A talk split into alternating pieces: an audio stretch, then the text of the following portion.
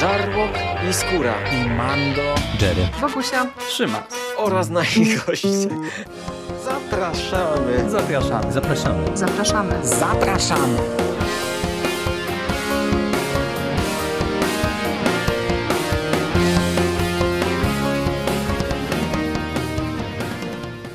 Cześć, z tej strony Michał Rakowicz, czyli Jerry.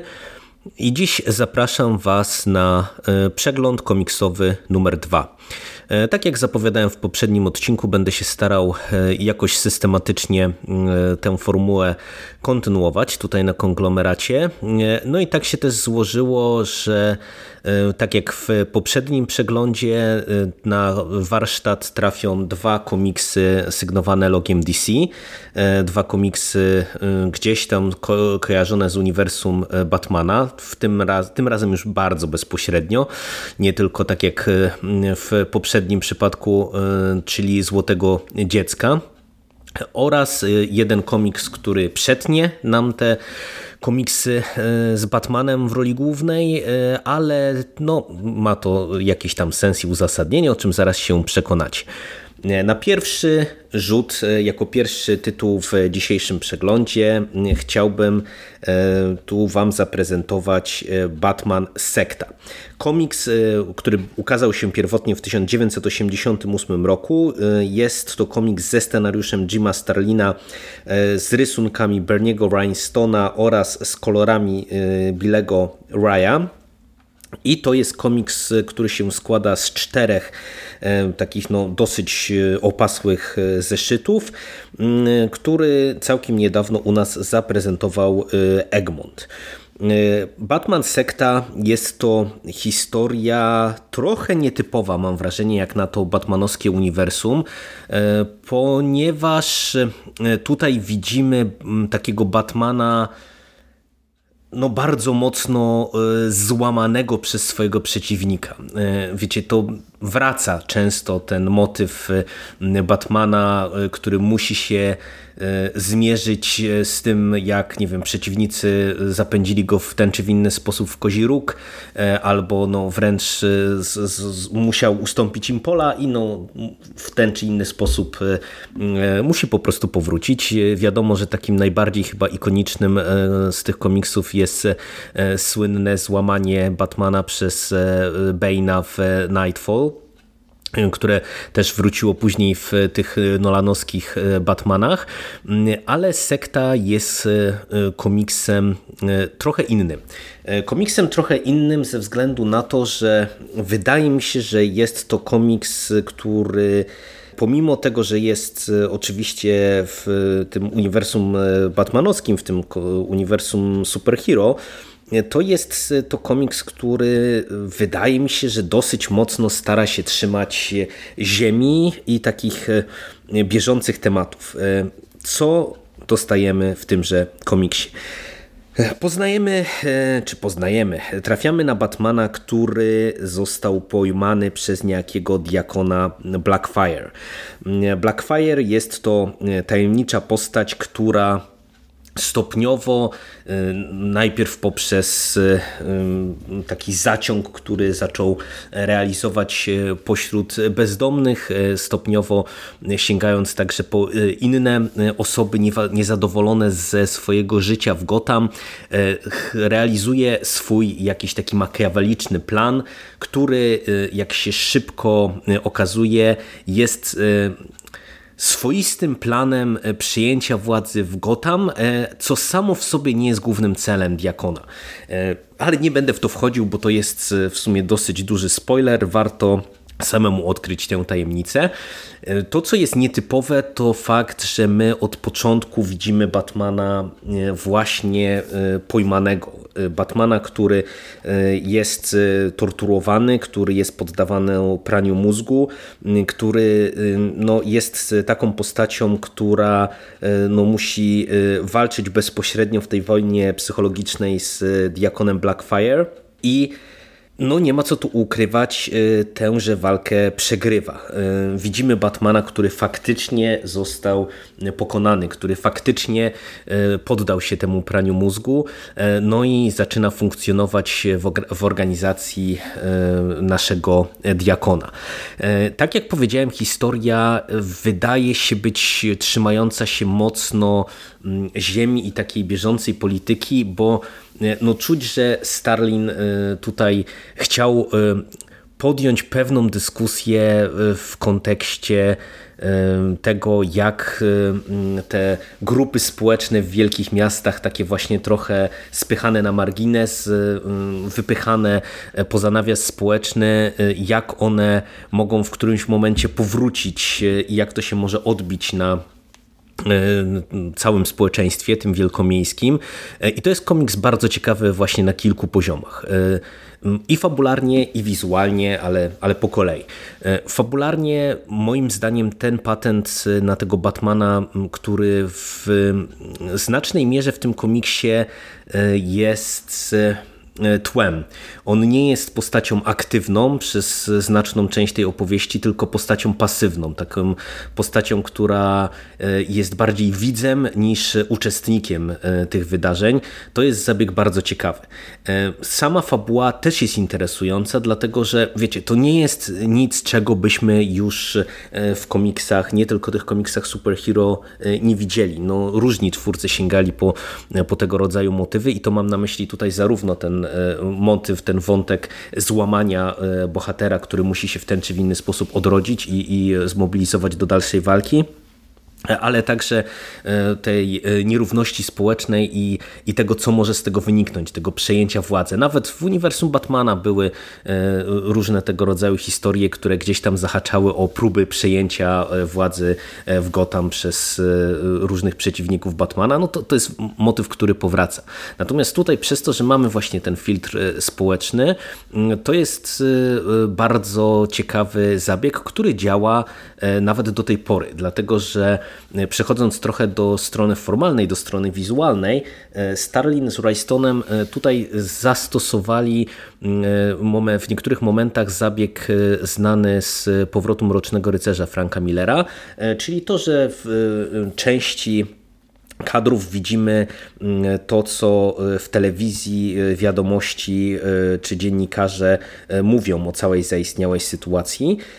I od razu chciałbym zaznaczyć, że ja nie miałem absolutnie takiego poczucia, że to jest jakaś tam zżynka z powrotu Mrocznego Rycerza, chociażby ze względu na to, że tego jest o niebo mniej.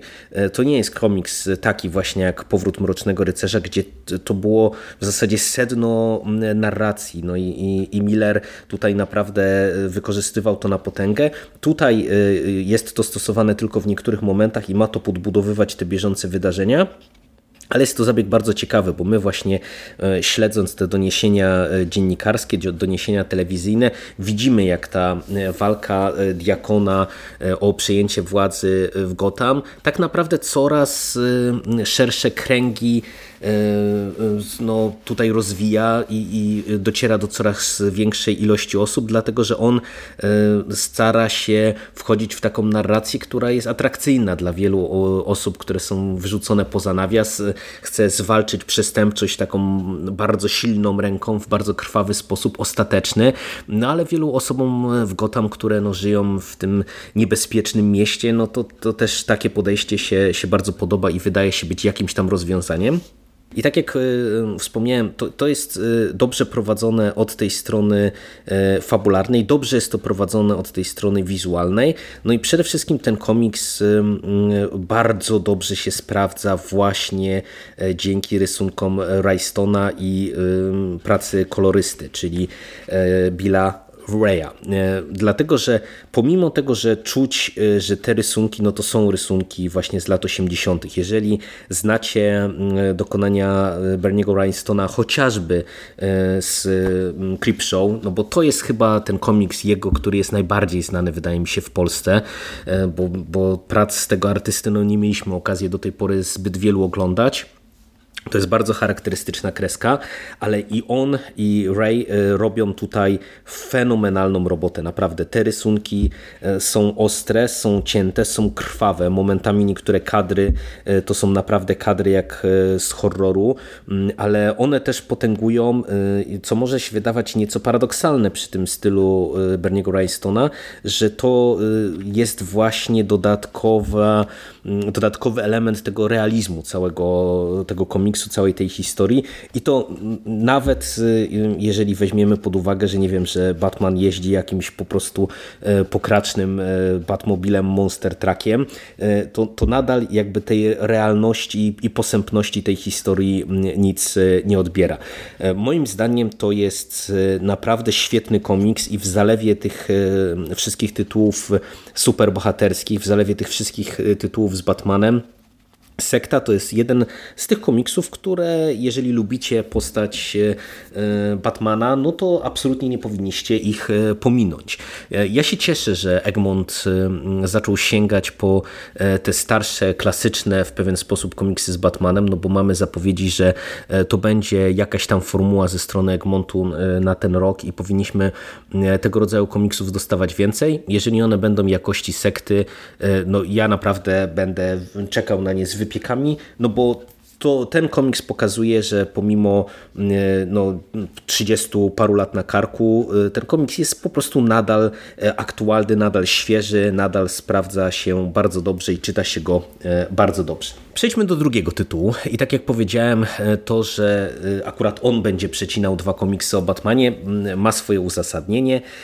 E, a na warsztat e, weźmiemy e, dzisiaj Frankensteina Żyje, żyje Steve'a Nilesa, który jest scenarzystą tego tytułu z rysunkami Berniego Rystona. Berniego Rystona, który tak naprawdę jest no, ojcem w pewien sposób tego projektu. I pomimo tego, że on niestety nie dokończył prac nad tym komiksem, no to, to jest postacią, wydaje mi się, absolutnie fundamentalną dla tego tytułu. E, komiks ten wydało u nas wydawnictwo e, Kabum e, i no to, że dostajemy dzięki nim komiksy Berniego Rhinestona, bo nie tylko ten tytuł oni wydali, także zaprezentowali nam całkiem niedawno potworną kolekcję od tego samego duetu, czyli Nilesa i Rystona. I, i mm, czym jest, e, no i, i, i, ja bardzo się cieszę, że oni te komiksy wydają, no bo e, to jest taka biała plama, tak jak powiedziałem, my do tej pory się nie doczekaliśmy zbyt wielu e, komiksów z rysunkami Stona w Polsce, a to jest duże niedopatrzenie, bo naprawdę to jest ilustrator o stylu tyleż charakterystycznym, co naprawdę fenomenalnym pod wieloma względami.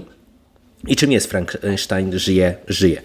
E, to jest e, swoisty sequel e, do komiksu, który Bernie Wrightson pisał sporo wcześniej, a mianowicie no, część z Was może nie wiedzieć, że Wrightson zilustrował Frankensteina Mary Shelley.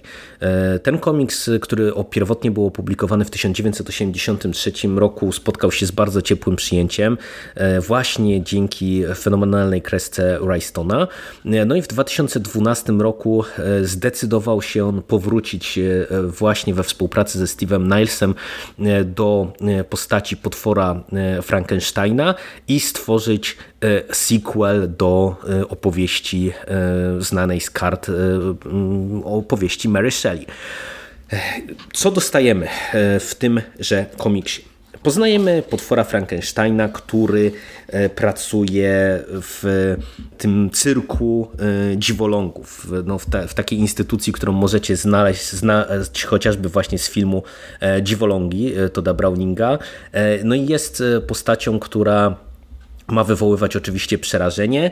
E, natomiast my po tym krótkim wprowadzeniu i poznaniu e, tego, jak potwór Frankensteina funkcjonuje obecnie, przenosimy się troszeczkę w przeszłość, aby poznać e, historię tego, co doprowadziło, że nasze monstrum znalazło się w tym miejscu, w którym się znalazło, co przeszło tak naprawdę od finału znanego z książki Mary Shelley No i y, to jest rozpisana opowieść na, na cztery zeszyty, dosyć wyraźnie e, podzielona. E, ona z jednej strony mm, nam y, dopowiada pewne e, wydarzenia właśnie bezpośrednio po wydarzeniach z powieści.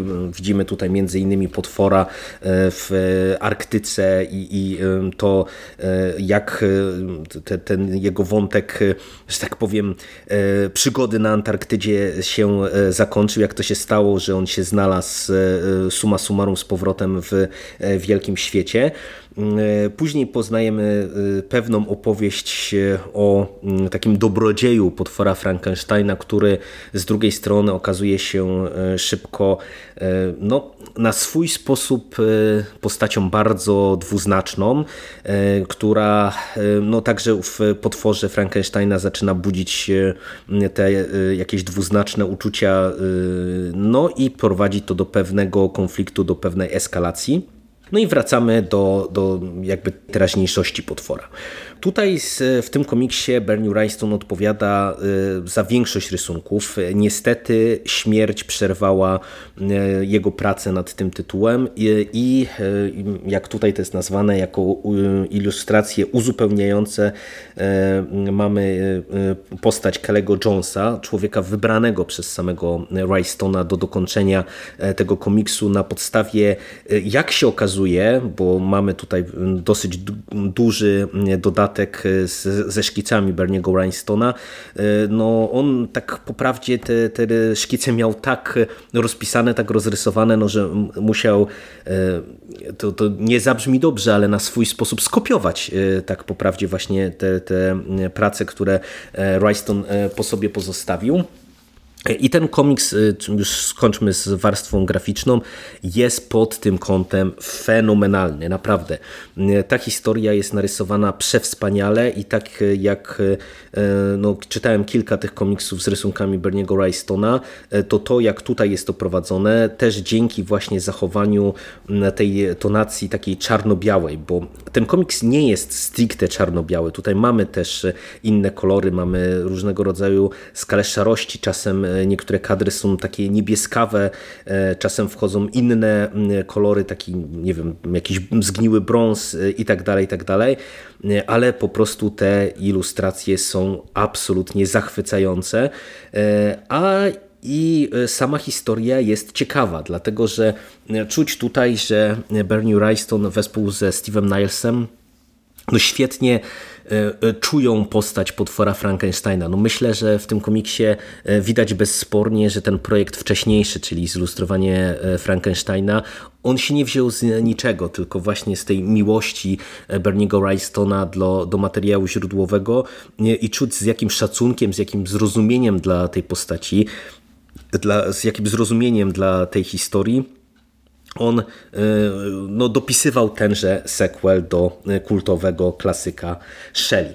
E, moim zdaniem to jest naprawdę e, świetny komiks. Jeżeli e, jesteście fanami komiksów grozy, jeżeli lubicie dobre komiksy z fantastycznymi rysunkami, no to absolutnie nie powinniście pominąć tego tytułu. Frankenstein żyje, żyje to jest komiks krótki, intensywny, zwarty, ale naprawdę wspaniały. I, I, myślę, że tutaj no więcej rekomendacji nie trzeba. Kupujcie, jeżeli jeszcze nie mieliście okazji się z nim zapoznać. I na koniec, tak jak w tym przeglądzie pierwszym, znowu powracamy do DC, ale tym razem bezpośrednio do Batmana. Na warsztat wezmę Batman Detective Comics numer 1027 komiks y, specyficzny y, i dla mnie, y, i tak ogólnie. Komiks ten to jest świętowanie pierwszej obecności Batmana w Detective Comics. Tenże numer 1027 jest, co za tym idzie, no, taką laurką dla postaci Batmana i antologią. Antologią komiksową. Tutaj mamy łącznie 12 opowieści mm, z bardzo różnymi scenarzystami. Tutaj e, pierwszą historię pisze e, Peter J. Tomasi, e, później mamy Briana Michaela Bendisa, Mata Fractiona, Grega Rake, Jamesa Tiniona IV, Scotta Snydera, Toma Kinga, Granta Morrisona i kilkoro innych twórców. Jak widzicie, to są wszystko twórcy dobrze z Batmanem kojarzeni, którzy albo go piszą obecnie, albo go pisali wcześniej w swojej historii. I E, tenże tytuł, wspomniałem, że jest tytułem jakoś tam nietypowym także dla mnie, dlatego że to jest komiks, który w Polsce póki co się nie ukazał. Myślę, że my się go doczekamy także w języku polskim, no bo Egmont systematycznie Detective Comics wydaje. Całkiem niedawno prezentował nam numer tysięczny, który też był z specyficzną antologią, także myślę, że, że ten komiks u nas zagości. Natomiast ja go kupiłem w oryginale ze względu na to, że ten, że album e, był w specyficzny sposób sposób przez DC reklamowany i można było kupić go w różnego rodzaju wariantach okładkowych i samo, samo to oczywiście nie jest specyficzne, bo to jest normalna praktyka e, w DC i Marvelu, że oni tych wariantów okładkowych często mają bardzo dużo w przypadku komiksów e, zeszytowych, e, ale akurat to, co jest specyficzne, to jest fakt, że mogliśmy go kupić z okładką wariantową przeznaczoną specjalnie dla polskiego sklepu. Dlatego, że Multiversum udało się e, właśnie mieć taką swoją limitowaną okładkę, którą można, z którą tą okładką ten komiks można było kupić tylko u nich. No i ja nie odmówiłem sobie tej przyjemności. Stwierdziłem, że to jest na tyle ciekawa rzecz, na tyle unikatowa, że, że chętnie po ten tytuł sięgnę i sprawdzę, jak on się prezentuje. Tym bardziej, że no, jak przeczytałem właśnie, że jest to antologia, no to uznałem, że nawet jeżeli właśnie ja nie jestem na bieżąco z Batmanem, no bo ja raczej czytam te y, komiksy zbiorcze, y, które nam serwują jakieś tam wycinki historii y, od dawna. Nie czytam ani Detective Comics, ani tych innych tytułów z Batmanem, które są wydawane jako ongoingi w Polsce no to właśnie ze względu na fakt, że mamy do czynienia z antologią, no to liczyłem, że, że to może być coś ciekawego i nawet właśnie dla takiej osoby jak ja do przeczytania zupełnie autonomicznie. No i tak, e, kilka, e, kilkanaście może dni temu e, ja w mm, konglomeracie omawiałem z Mistim inną antologię komiksową, Pokolenia od Marvela i tam no, raczej byliśmy chłodni w ocenach, dlatego że tamta antologia była no, tworem średnio udanym na kilku poziomach. Ten tytuł mam wrażenie, że jest antologią dużo, dużo lepszą.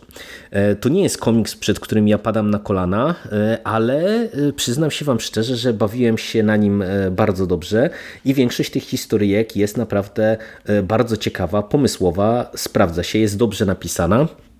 Krótko y, ja Wam y, może wyróżnię kilka, kilka z nich, y, tak żeby mm, powiedzieć z jakimi pomysłami tutaj mamy do czynienia. I całościowo ja oceniam ten komiks zaskakująco pozytywnie. Zacznę od końca.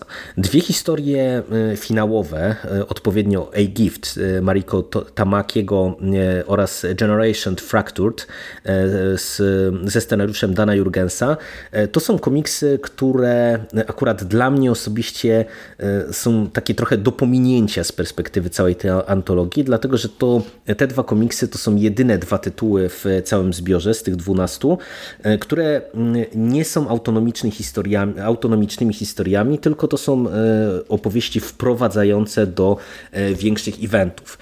Ten pierwszy komiks Generations Fractured to jest komiks, który wprowadzał do eventu właśnie zatytułowanego Generations, który jeżeli ja dobrze widzę to w Stanach Zjednoczonych dobieg końca w lutym e, bieżącego roku.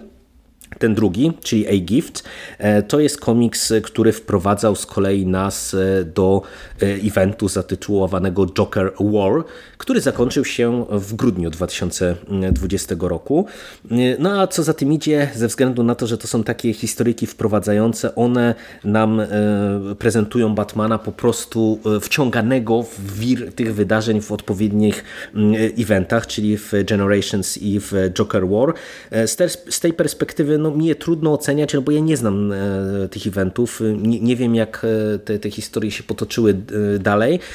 I powiem Wam też szczerze, że o ile ten A-Gift ze względu na to, że tutaj mamy mm, początek no, kolejnej wielkiej rozgrywki Jokera z Batmanem, ale rozgrywki, która e, będzie się kręcić wokół jakiejś The Black Book Case, e, czegoś, co na tyle, na ile ja doczytałem, e, jakoś tam funkcjonowało już w uniwersum DC, bo jak wpiszecie sobie The Black Book Case, to traficie na pewno na zbiór komiksów z lat 50., 60., jeżeli ja dobrze pamiętam, z Batmanem.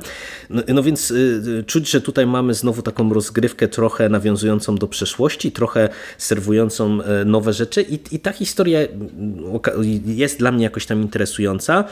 O tyle ta opowieść Generations y, to jest y, historia, w której widzimy Batmana, który wchodzi y, do muzeum i musi walczyć z, z Calendarmanem i jego zbirami i nagle ląduje w przeszłości. No i zaczyna się jakaś tam opowieść na, na, na szerszą skalę ja nie przepadam, wiecie, za tymi wszystkimi podróżami w czasie i wielkimi eventami kręcącymi się wokół tego, bo nie wiem, mam wrażenie, że e, większość z nich do mnie jakoś tak średnio przemawia. przemawia. Z tego tytułu mówię, te, te dwie historie są e, do pominięcia, no ale mamy jeszcze 10 innych i e, uważam, że naprawdę te 10 pozostałych historii z drobnymi wyjątkami jest e, naprawdę całkiem niezła. E, pierwsza z nich e, to Blowback Petera J. Thomasiego.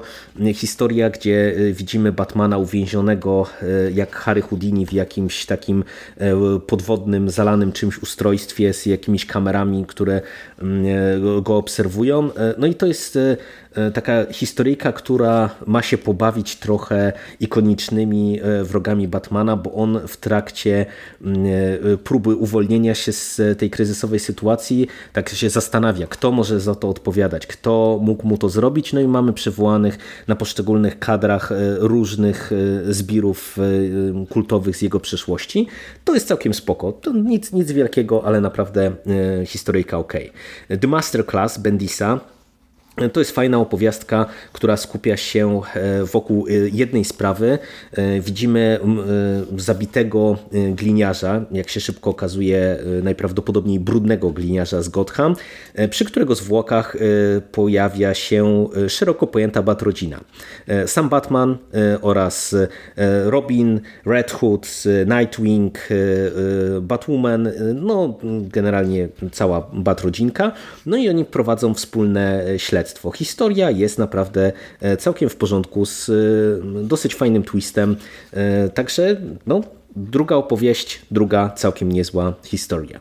Many Happy Returns Mata Fractiona to jest e, historia, która kręci się wokół e, rozgrywki, którą Joker e, prowadzi z Batmanem przez lata, wręczając mu w każdą rocznicę jego działalności prezenty.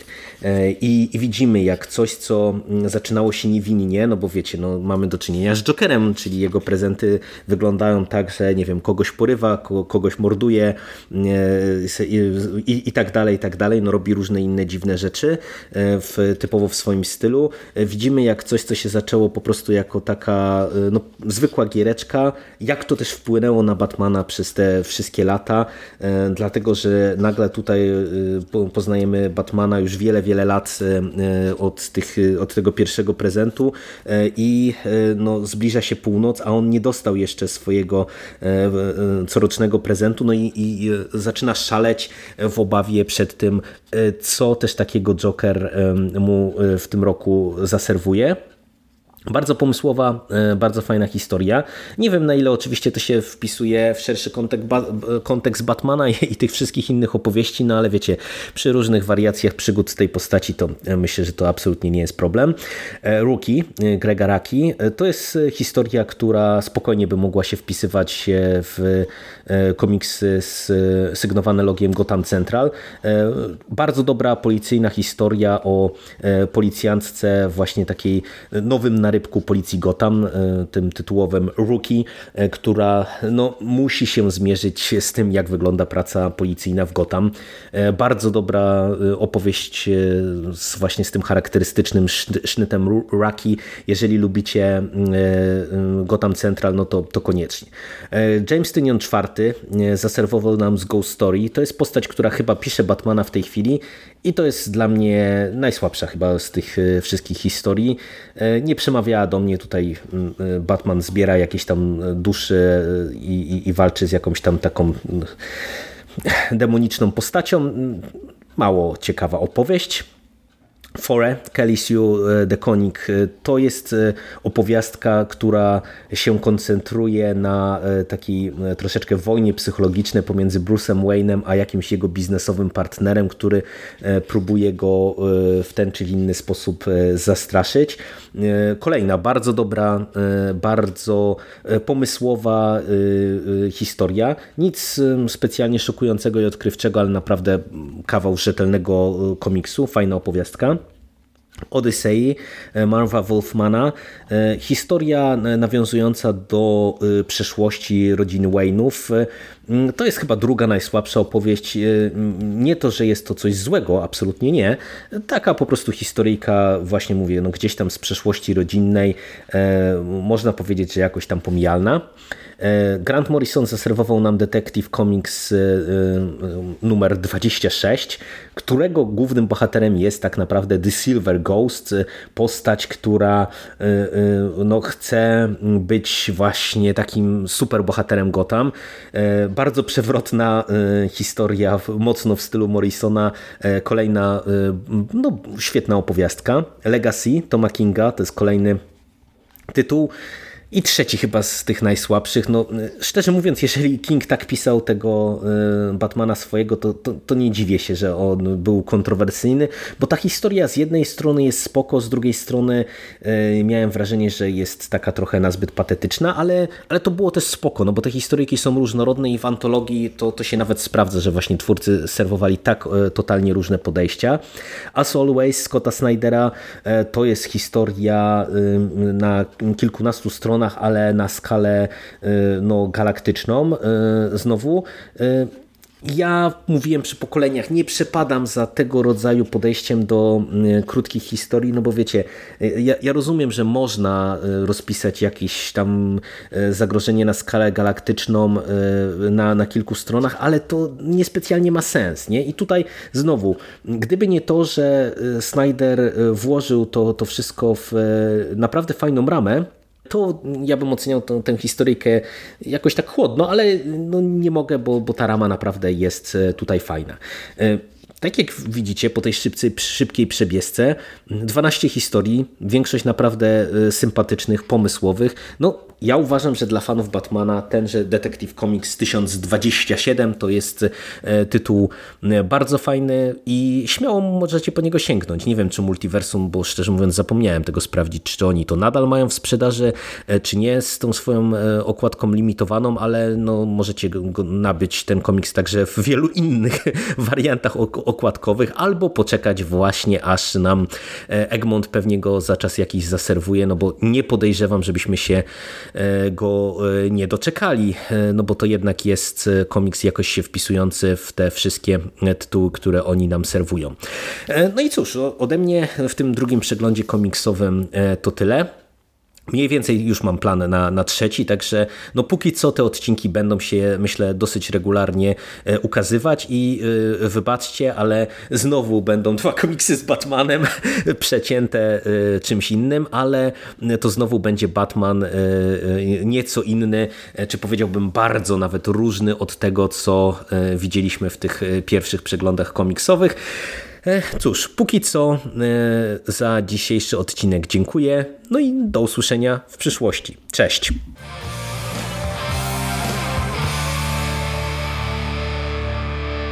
You finished? That's it, man. Game over, man. It's game over. What the fuck are we gonna do now? What are we gonna do? It's over. Nothing is over! Nothing! You just don't turn it off!